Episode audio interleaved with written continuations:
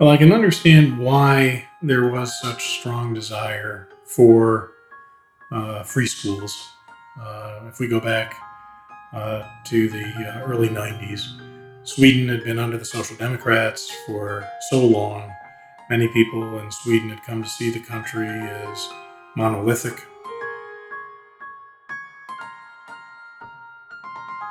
Välkommen till Natur och kulturs podcast Akademiska kvarten. I den här podden ger vi dig en akademisk kvart med en tongivande person som har något viktigt att säga om svensk utbildning.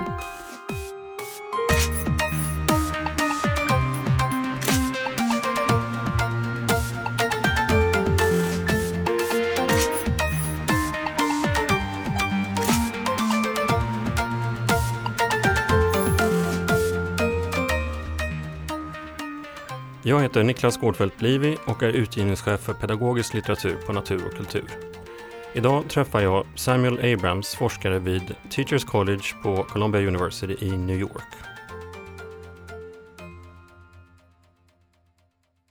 Uh, we're sitting today in Teachers College uh, at Columbia University in New York, and today we are going to have a conversation with Sam Abrams. Uh, Sam, could you tell us a few words of, uh, about who you are and how you ended up here? Uh, yes, I run a center uh, at Teachers College called the National Center for the Study of Privatization in Education.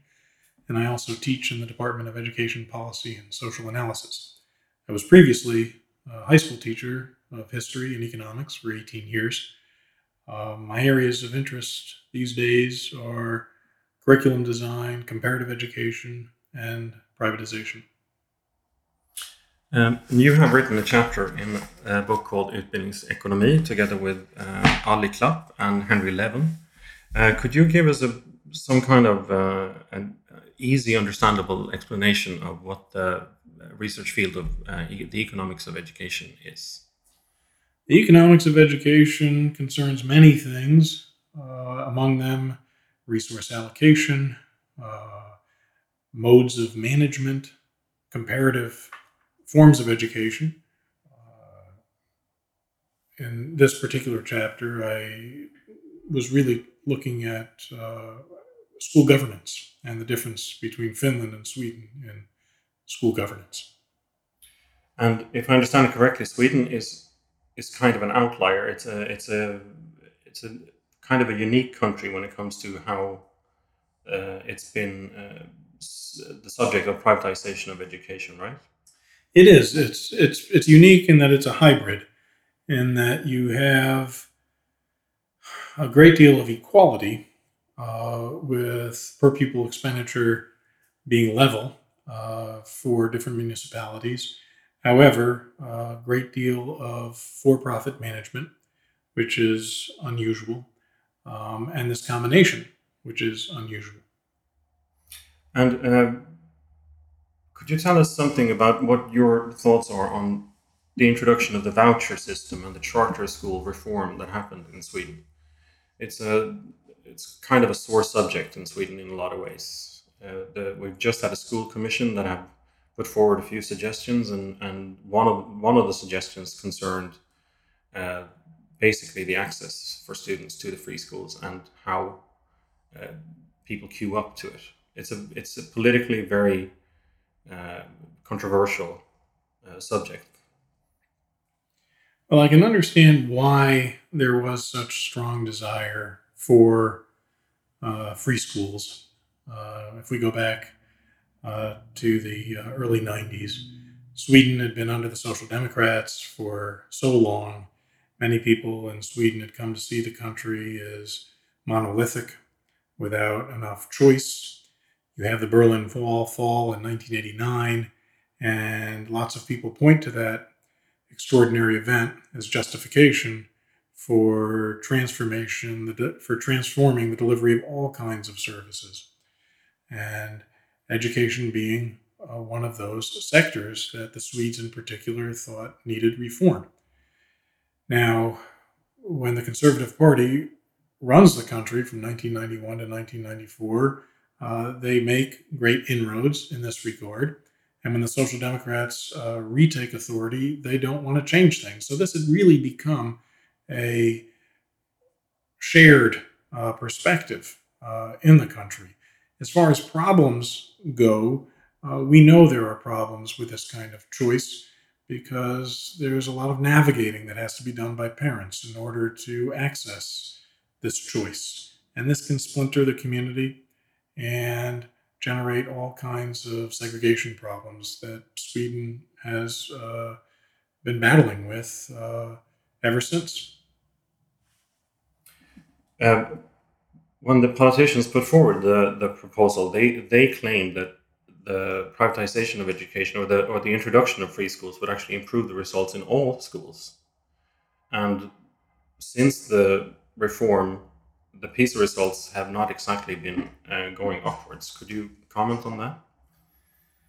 Well, to establish causation is a very uh, difficult thing to do. We can certainly see a correlation between the growth in the private sector in Sweden and the decline in PISA scores. And we know that teacher salaries, as I document in the book, have declined uh, over this time period as well. That uh, does seem actually itself to be a consequence of privatization, as I document in the book, uh, because the uh, free schools did uh, not have to hire uh, certified teachers and consequently could pay less. So they actually drove down the bargaining power of teachers.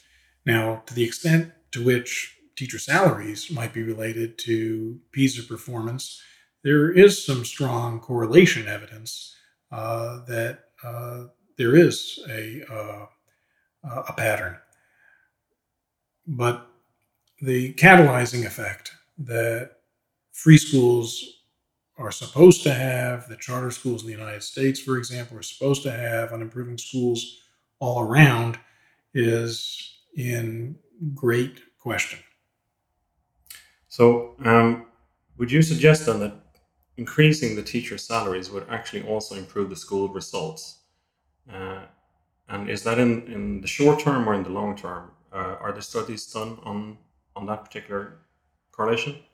Uh, over time, you'd have to be patient. I've done some correlation studies uh, concerning teacher pay in uh, the Nordic countries and English speaking countries, uh, the correlation is very strong between higher teacher pay and better performance of students. It makes good sense. You uh, make it um, that much more uh, attractive a profession. You keep people in the profession. You need senior teachers. Um, you need senior teachers not only for intellectual uh, memory of an institution, but also for mentoring purposes of younger teachers. So it stands to reason that if you pay your teachers better, um, you will see better results. Swedish teachers get paid about 83% of what their college classmates uh, earn. Now, we can uh, see that uh, a big difference with neighboring Finland.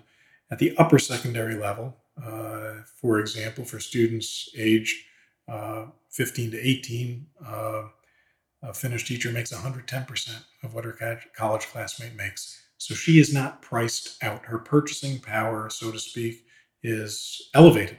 In Sweden, she's making about 83% of what her college classmate makes. Now, that means that she's that much less likely to stay in the profession. The profession is that much less likely to attract people in the first place.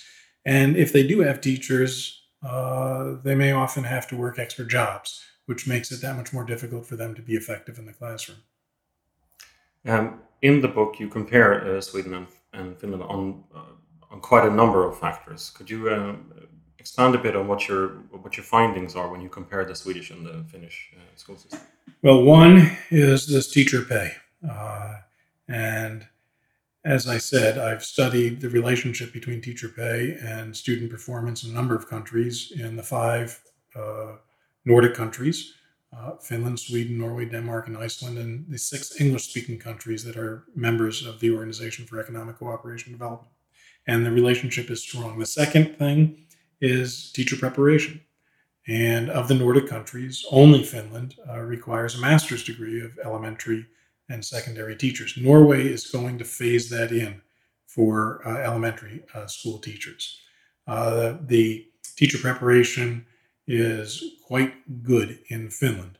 Um, many people have made a lot of teacher selection. I think that's overstated. Um, that uh, Finland accepts a very low percentage of applicants, but one has to understand how the application process works in Finland. It is an enigmatic process. Uh, so actually, the selectivity is um, inflated uh, because you can only uh, apply to three schools and be considered for admission at one school. So, for example, if you apply, I digress here, but I think it's important to keep in mind or uh, uh, take into consideration when comparing Nordic countries. If you apply to the University of Tampere, Turku, or Obo, uh, in Helsinki, and you're invited for a interview at just one of them, uh, you're automatically rejected the other two, and you might be rejected at the one school that you interview at. So, teacher selection, I don't think, is what the Finnish um, uh, recipe is all about. It's about the training. It's five years of excellent training, and Denmark, Norway, Sweden, and Iceland do not have that. The third difference between Finland and Sweden and the other Nordic countries is the approach to standardized testing. And uh, Denmark, Sweden, uh, Norway, and Iceland all uh, test their students on a regular basis and in uh, a range of subjects. That is not true in Finland. In Finland, they actually they, what they do is deep sampling, which I think is a much smarter way of approaching assessment, and that is just 10% of ninth grade over a 10 year period. The Finns test their students in every subject, from reading and mathematics to culinary arts, uh, art itself, music, physical fitness, and agility. Uh, in mathematics, they have a longitudinal approach where they test about 6,000 students in third grade, the same cohort in sixth grade, the same cohort in ninth grade, the same cohort in 12th grade. The Danes, the Swedes, the Norwegians, um, and uh, uh, the Icelandic uh, uh, authorities don't do this. Um, and I think uh, we all have a lot to learn from the, the Finns in that regard. So, pay, preparation, and uh, finally, assessment uh, distinguish uh, the Finnish model from the Swedish model. And finally, of course, you don't have, this almost goes without saying, and it's why I didn't bring it up, you don't have this kind of outsourcing to private operators uh, the way you do in uh, Sweden. Uh, there are private schools in Finland. They were nationalized. There are about 80 of them out of 3,000. So you're talking about just under 3% of their schools. And, uh, but uh, the teachers have to be certified. The curriculum has to uh, meet national standards, and uh, certainly no profit uh, uh, is involved. Is this somehow related to a question of trust? Uh, standardized testing, in some ways, could be seen as an example of the authorities not trusting the teachers doing what they're supposed to do. And you're writing in your chapter in the book that the Finnish teachers have internalized the uh, the expectations of the Finnish state, right? That's an excellent way of putting it. And I do think it's an excellent illustration of what you just said it's trust and the internalization uh, that uh, happens on account of those five years of excellent preparation um, in Finland, I think makes it uh, that much easier for the government uh, to trust the teachers to do what's expected. They do, of course, have their matriculation exams administered in the final year of upper secondary school, akin to the baccalaureate in France. And that serves as a North Star for all teachers. So it's not as though formal external assessment does not exist, it does exist. Um, but uh, it's uh, not something that uh, is imposed on an annual basis. Um, it's not something that consequently uh, controls uh, the curriculum year after year. Thank you. Um, I just have one final question, and that uh, this is going to be um, something that a lot of Swedish listeners find very interesting. You're uh, also uh, an ice hockey coach. Uh, yes. Could you tell us a, a few words about your hockey coaching? Well, I, I, grew up playing hockey in Massachusetts. It's a big sport in Massachusetts, as some people in Sweden might know.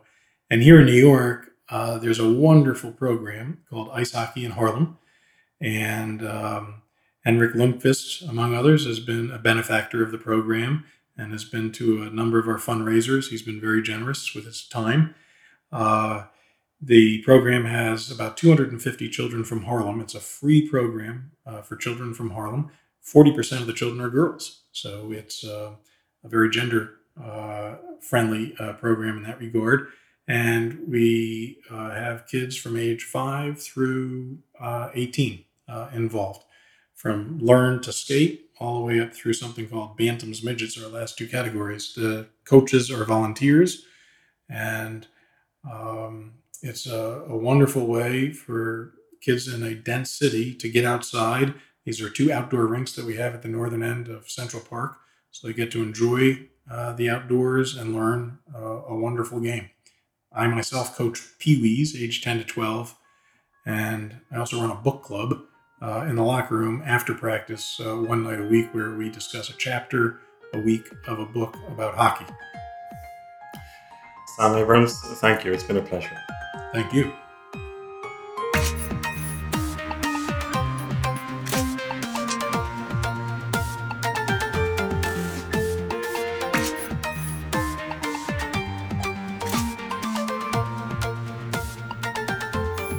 Förlaget Natur och kultur är en stiftelse som utan ägare kan agera självständigt och långsiktigt. Vårt mål är att genom stöd, inspiration, utbildning och bildning verka för tolerans, humanism och demokrati.